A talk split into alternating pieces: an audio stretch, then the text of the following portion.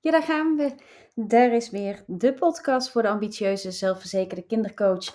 En ik zeg het eigenlijk nooit, want ik ga ervan uit dat je het weet, maar misschien toch niet. Dus vandaag weer even een keertje tussendoor. Ik ben Marlies van der Hout van Jouw Succespraktijk. Ik had zelf uh, acht jaar lang, negen jaar, acht jaar geloof ik, een super succesvolle uh, kindercoachpraktijk, eigen handje. En van daaruit ben ik uh, andere coaches gaan begeleiden, met name kindercoaches, om ook zo'n succesvolle praktijk neer te zetten. En um, ik zeg nu al, hè, een succesvolle praktijk neerzetten. Ik had een heel goed lopende praktijk, zo'n bommetje vol klanten. En dat is ook waar uh, deze podcast over gaat. Over de beleving van succes. En uh, wat is jouw beleving van succes? En vooral met het idee dat je je niet gek moet laten maken door de mensen om je heen. Mijn bedrijf heet dus Jouw Succespraktijk en daarmee uh, zeg ik al uh, impliciet dat ik je help om een succesvolle praktijk neer te zetten. De vraag is alleen, wat is voor jou een succesvolle praktijk? En ik wil um, een verhaal vertellen van uh, mijn eigen beginjaren van eigen handje, mijn kindercoachpraktijk, hoe ik me daar ontzettend op verkeken heb in de vergelijking, uiteraard, met anderen. En eh, nou, mensen die me langer volgen, mensen die eh, klant van me zijn, weten dat ik. Eh, een van de dingen die ik heel vaak zeg is: ga jezelf never nooit vergelijken met een ander. En we weten dat we dat allemaal doen. Dus ik deed dat ook in mijn begindagen. En als ik heel eerlijk ben, doe ik dat ook nog steeds wel eens. En um, nou, in mijn begindagen, ik had. Um, mijn baan opgezegd. Nou, dat, is een heel ander verhaal. Dat, uh, misschien dat ik daar ooit nog een podcast over opneem, hoe dat gegaan is en uh, tot wat voor moois dat allemaal heeft geleid. Maar ik, dat betekent dus dat ik in principe een hele week tot mijn beschikking had voor mijn praktijk. En ik was ook gewend om altijd hard te werken. Um, dus ja, weet je, het is niet eens in mij opgekomen om niet uh, fulltime beschikbaar te zijn voor mijn praktijk. Ik had wel twee hele jonge kinderen toen nog. Uh, de jongste was drie, uh, de oudste vijf. En uh, nou ja, dan kun je je voorstellen, ik zie dat nu ook bij veel van mijn klanten, hè, kinderen in die leeftijd. Ja, ga maar eens een bedrijf starten. Dat was best wel een uitdaging. Dus um, ik bracht de oudste naar school, de jongste naar de gastouder. En na, ik denk een halfjaartje of zo dat ik bezig was, ging de jongste ook naar school. En ik werkte dan met name tijdens schooltijden.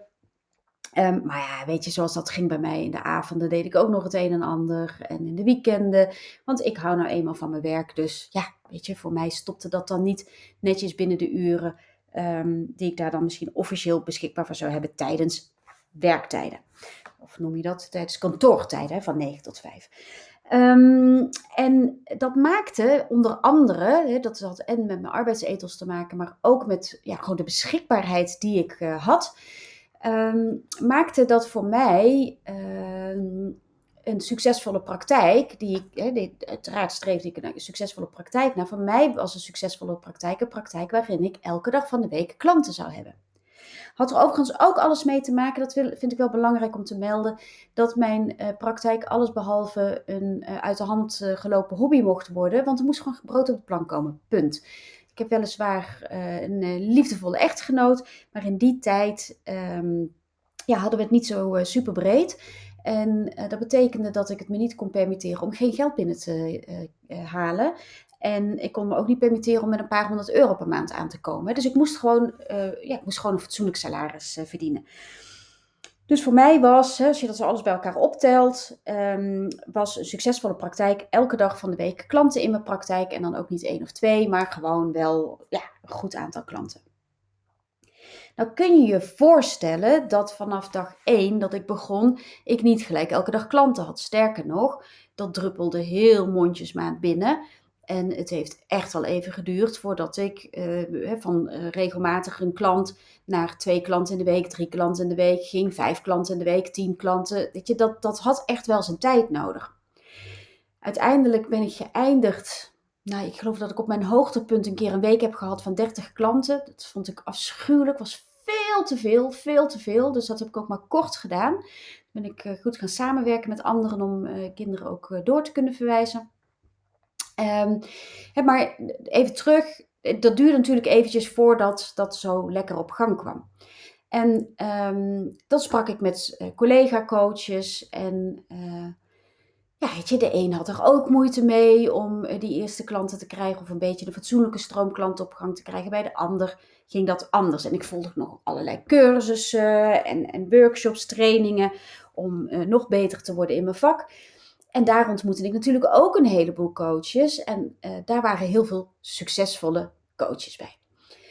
En dan vroeg ik, en dit is even een lange intro, maar ik vind hem wel super belangrijk vroeg ik op een gegeven moment aan een vrouw, die had ik hoog zitten en die had gewoon een wachtlijst van een half jaar. En uh, dus ik dacht, jeetje, zeg, die was nog helemaal niet zo lang bezig. Ik geloof dat ze een jaar, anderhalf jaar bezig was. En die had een wachtlijst van, uh, van een half jaar. En in, in die tijd dacht ik nog dat het iets begerenswaardig uh, was. Later kwam ik wel achter dat dat helemaal niet zo tof was. Maar goed. Um, en dus, dus voor mij was zij in mijn ogen super, super succesvol. Totdat ik op een gegeven moment aan haar vroeg: uh, van joh, hoeveel klanten heb je dan in de week en hoeveel mensen heb je dan op je wachtlijst staan? En natuurlijk ook de vervolgvraag: hoe, hoe doe je dat dan? En toen bleek, en daarmee wil ik haar succes absoluut niet te niet doen, maar ik wil het afzetten tegen wat mijn beleving was van succes, waardoor ik een hele scheve kijk op de, de zaken kreeg toen bleek dus dat zij twee middagen in de week praktijkruimte had. Dat ze twee middagen in de week had dat ze kinderen kon zien. Dus zij zag kinderen twee middagen tussen drie en zes. En toen ging ik uitrekenen. Denk ik, ja, maar dan kun jij max vier, vijf, als je heel veel moeite doet, kinderen per week zien. Nou, is dat een prachtig aantal als dat hè, voor jou is, wat, jou, wat in jouw ogen is, uh, wat, ja, god, ik zit een beetje te hakkelen. Hè, maar wat in jouw ogen succes is, hè, vier, vijf klanten per week, dan was hij natuurlijk mega geslaagd. Maar ik zat erin vanuit de gedachte, ja, maar ik moet gewoon 15, 20 of meer klanten per week hebben om die goede boterham te kunnen verdienen. Ik heb die beschikbaarheid. Ik ben gewoon, weet je, ik ben super gedreven. Heb geen andere uh, bronnen van inkomsten. Uh, dus hier ligt mijn volledige focus. Dus mijn beleving van succes was heel anders. En daarmee wil ik niet zeggen dat mijn beleving van een succesvolle praktijk beter was, helemaal niet. Maar wat er wel scheef ging, was dat ik dus mezelf als niet succesvol zag, omdat zij een wachtlijst had van een half jaar. Terwijl, als ik naast elkaar ging leggen, had zij op dat moment net zoveel klanten als ik per week.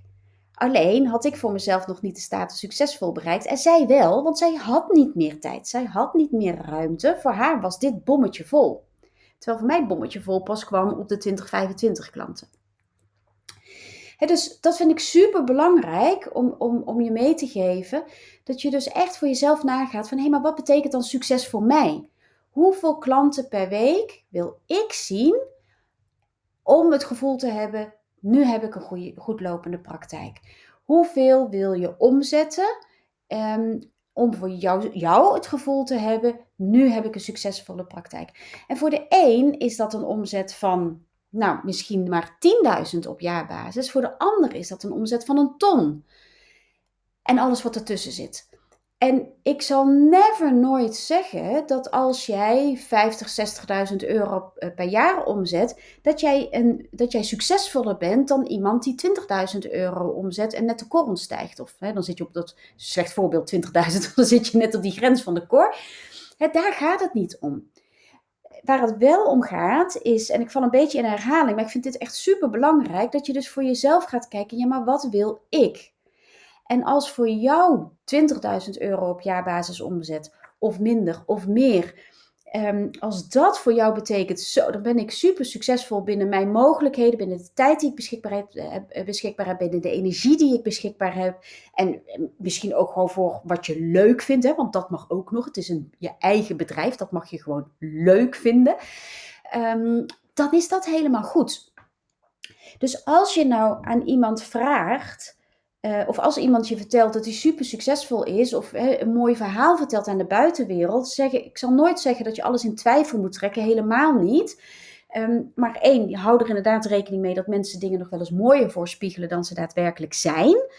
Dat je van een mooie, uh, dus mijn oma zei vroeger altijd, van, van een schone tafel kun je niet eten. Um, dus wat je van een mooie Facebookpagina of van een mooie website niet kunt aflezen hoe succesvol iemand is. Alhoewel je, we dat dan wel vaak denken te kunnen aflezen. Ehm, maar vooral dat, ehm, eh, ja, dat je jezelf dus niet gaat vergelijken en je eigen waarde gaat afzetten of gaat laten afhangen van wat een ander uh, roept en zegt, terwijl je niet weet wat daaronder zit. Ja, kan ik daar nog meer over zeggen? Eigenlijk is dit wat ik daarover kwijt wilde. Dus ga nou eens voor jezelf na.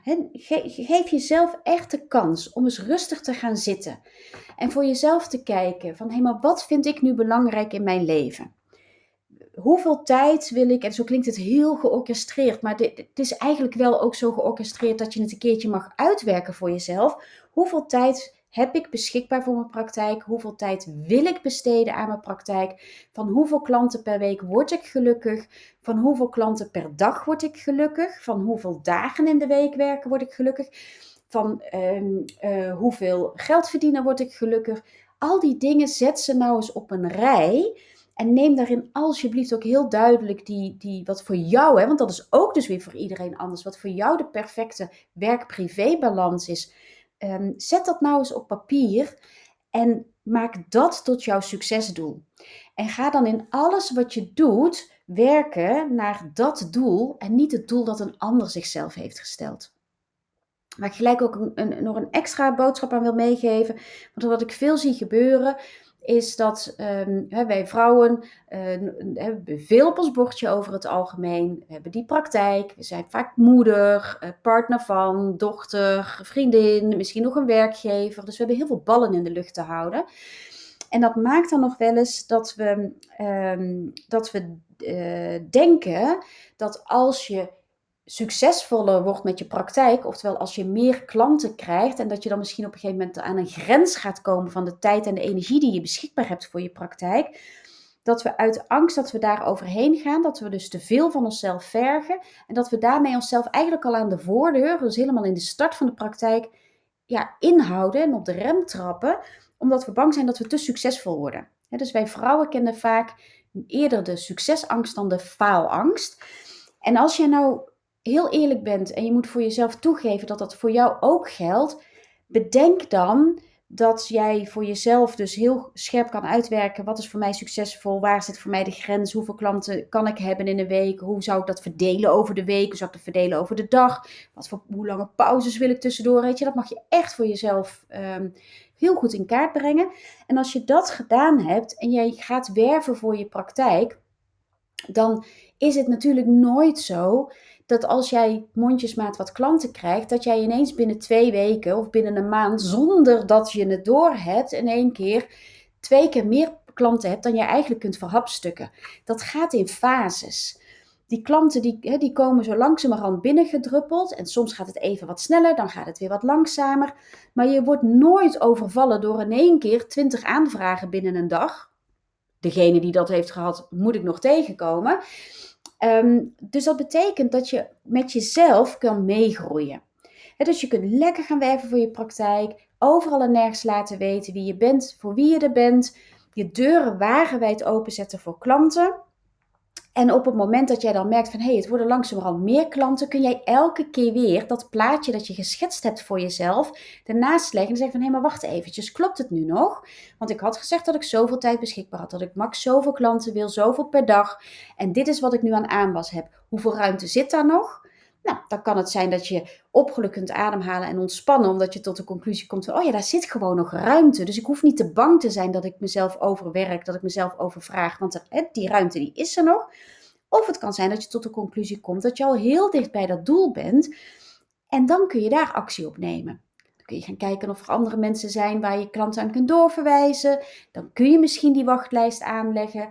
Um, wat het dan ook is waar jij daarop verzint, maar je zult er nooit zomaar ineens door overvallen worden. En dat vind ik ook super belangrijk om je te vertellen.